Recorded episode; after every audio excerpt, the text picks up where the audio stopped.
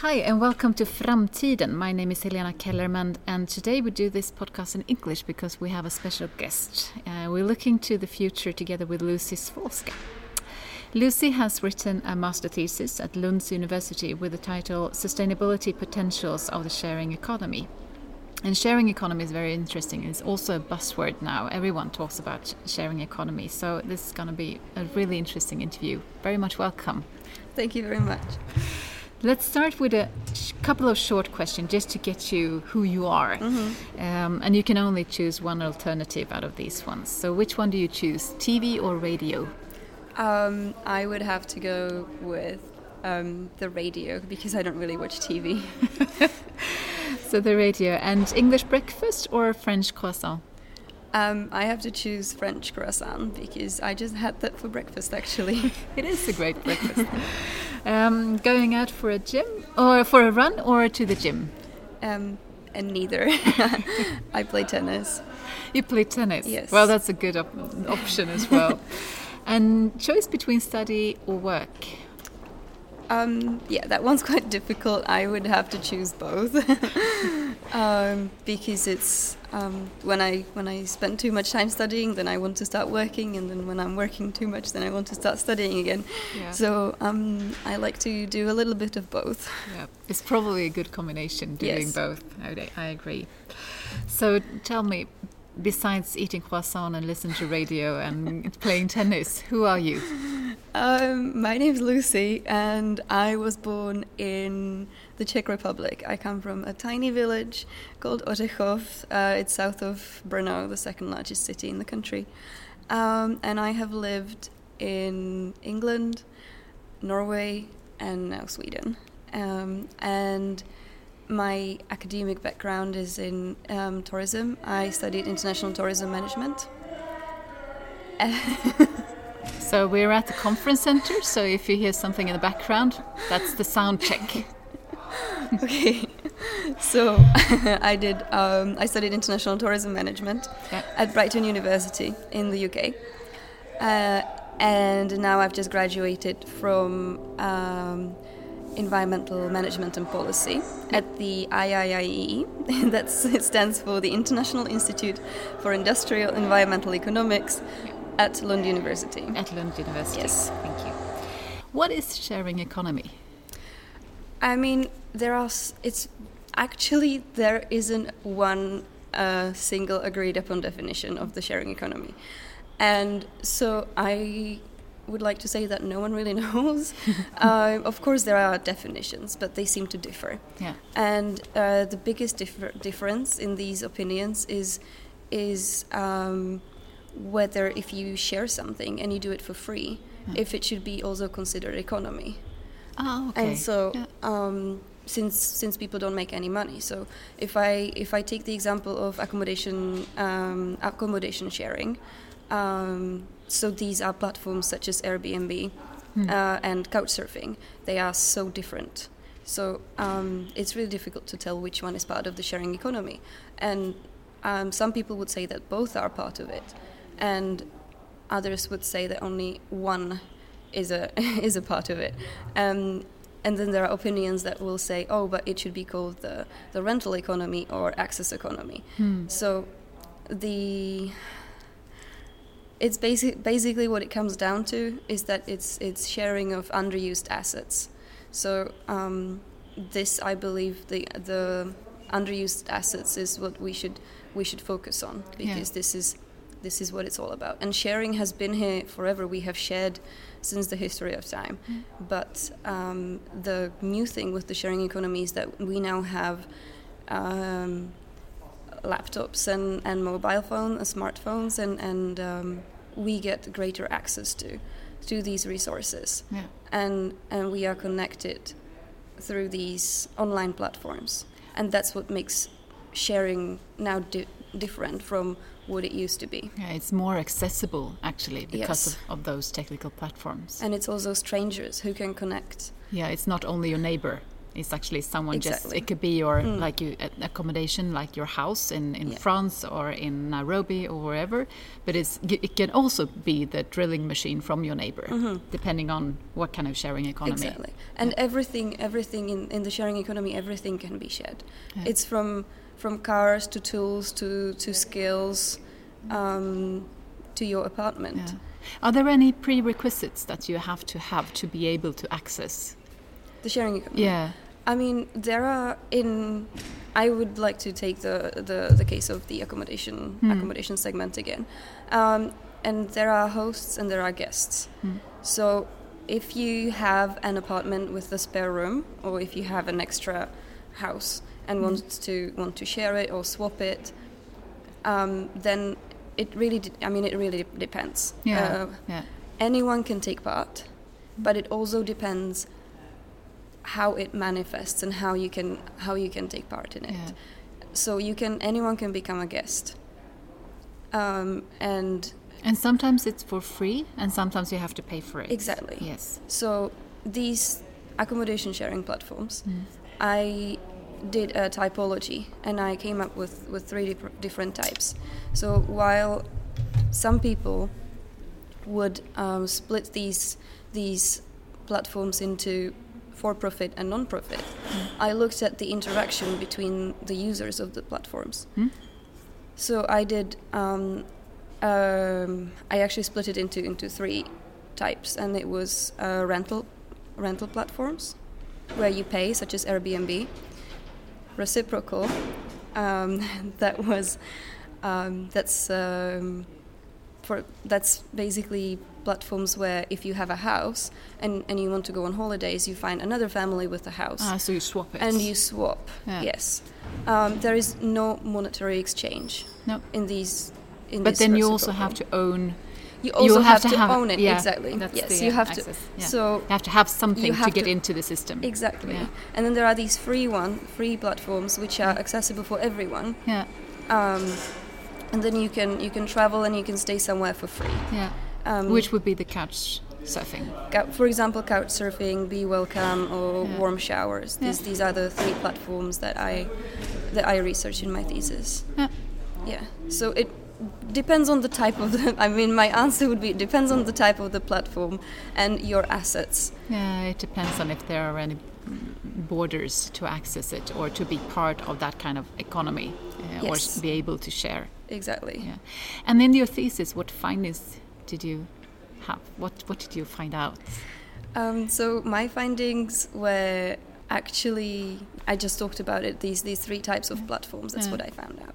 So, what would be your recommendations then for people who might be interested in starting sharing things that they Mm-hmm. own or want to use it? What's your recommendation?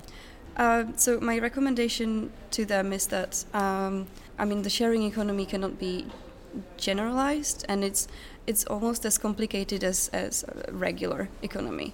And if you're starting this, you have to look at from sustainability point of view. What I did, I looked at environmental, uh, economic, and social claims. Hmm? And um, in order to tick all the all these boxes, Hmm. I made several recommendations Mm. or basically things that you should things that you should follow. Yeah. And there are there are actually quite uh, a lot of them. But if I were to to choose, Yeah. Which one Uh, is most important? Yeah. I don't know if there's if it's the most important because No. every platform has unique set of yeah. features. Yeah, of course. so yeah. it, I mean it really depends. Hmm. What I th- what I thought was um, quite interesting is that there was different empowerment of users. Hmm? So I found the platform Be Welcome to be very unique Yeah. in that it allowed, and I want to use that as a best best case Hmm? practice Hmm? uh, because it was something very different from the other from the other platforms Yeah. in that it allowed users to be to really be a part of it if Yeah. they wanted to um, and I'll use air quotes gov- govern the platform they could do that they could volunteer they have a another organization called um, I believe it was Be Volunteer Hmm? And through that they can they can decide what happens with the platform so they really become the owners of if i can use that word of, of the platform and i found that that was very unique Because Um, the other ones doesn't own their platform. Exactly, because Ah. the other ones are just users of the platform. Ah, but if the platform decides that it will it will be sold to another company for profit, Ah, then the users don't really get anything.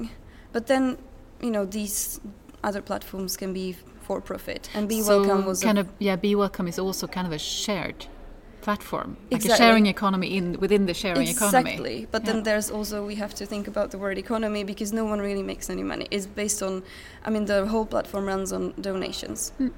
And it really depends what kind of platform you would want to Mm. start and like I said there are my ty- typology was three different types of Yeah, platforms. yeah.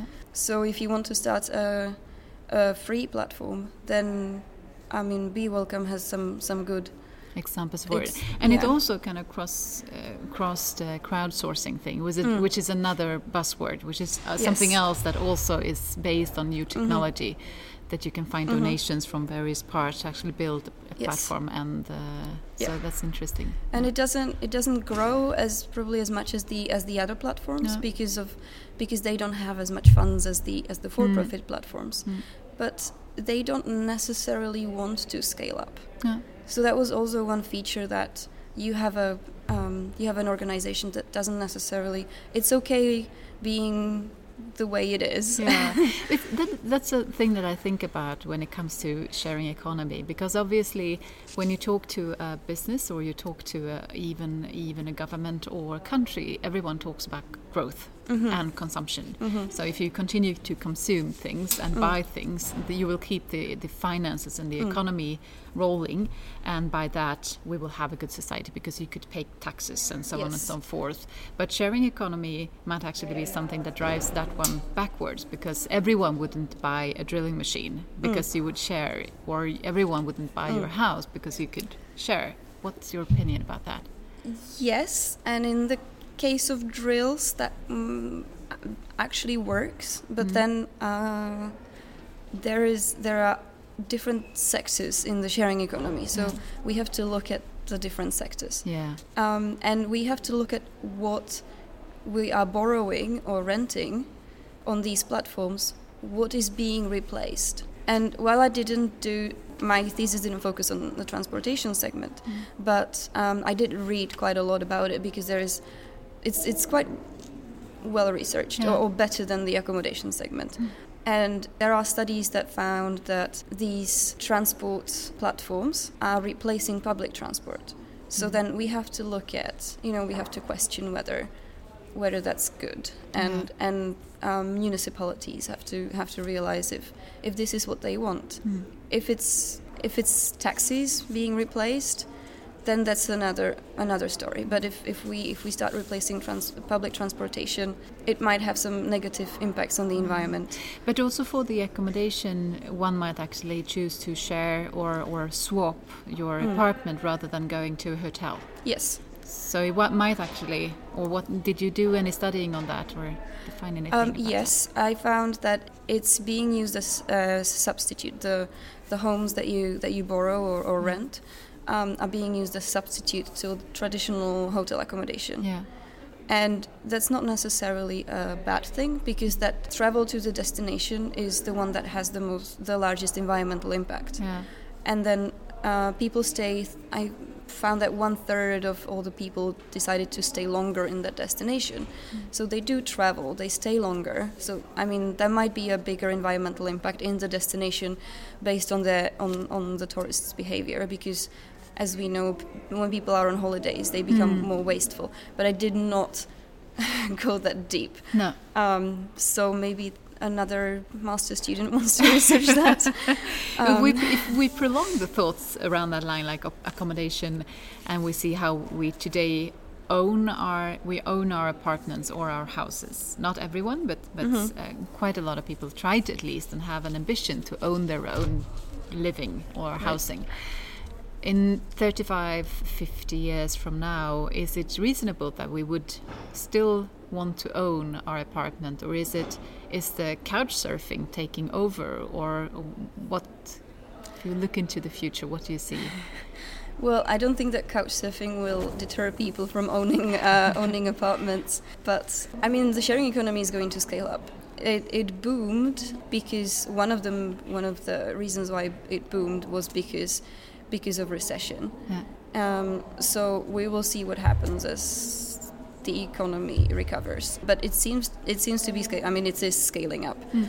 So in terms of the sharing economy, I think it will it will be bigger, and we'll we'll see because there are different motivation factors why Mm. people take it, take part in it, and some do it for money, but some also do it for social aspects, for meeting new people, and gaining new experiences and traveling in a in a in a new way. Mm. So it will we I mean we have to understand the motivation factors as Yeah. well. And when it scales up, will will you see that it will be more accessible for everyone? If you look like the social part of sustainability, for instance, would will more people be able to travel or to Mm. uh, have have have an access to to accommodation and housing? In, Um, or is it the same people who will travel more? What I found in my thesis is that people do not necessarily travel more often. They do travel for longer periods.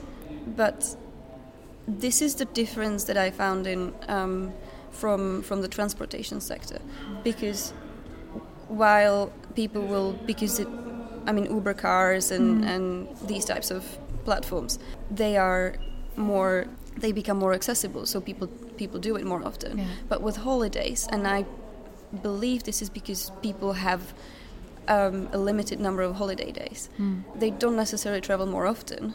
They just travel for a little bit longer. So when when when sharing economy around regarding accommodation is scaling up, is rather than more people will do it because it might not be that expensive maybe to Mm. live somewhere else. But they still have to pay the, the flight cost or uh, Yes. getting there. They still have to do. Yes. What might happen is that people travel further away as it becomes more more accessible and, and cheaper. But that's just a guess. I did not. That wasn't one of my findings. uh, what what uh, made you find this subject? What what's your what's the drive or uh, or um, um, interest from your personal side? I was, I mean, since I studied tourism, international tourism management, Mm. Um, I wanted to do something with, with the tourism Yeah. sector. And I also worked for a company in the Czech Republic, and I was organizing conferences for, for Norwegian companies. Yeah. And so I stayed in a lot of hotels, and that's why I just looked at the accommodation segment because that's a some of it is being replaced with some of the ho- traditional hotels Mm. are being replaced with Mm. uh, with shared apartments. And now for for the more near future, what's your what's your plan for your near future? What are you up to next? You've been living in England, and you've been living obviously in Czech Republic, and Mhm. you've been living in Norway, and now also in in Sweden. What what are you up to now? I mean, my plan is to stay here. I'm learning Swedish, so we'll see what happens. okay, thank you so much, Lucie Zvolska. Yes. Zvolska. And uh, to you who have listened to Framtiden, we will be back in a couple of weeks. Bye bye.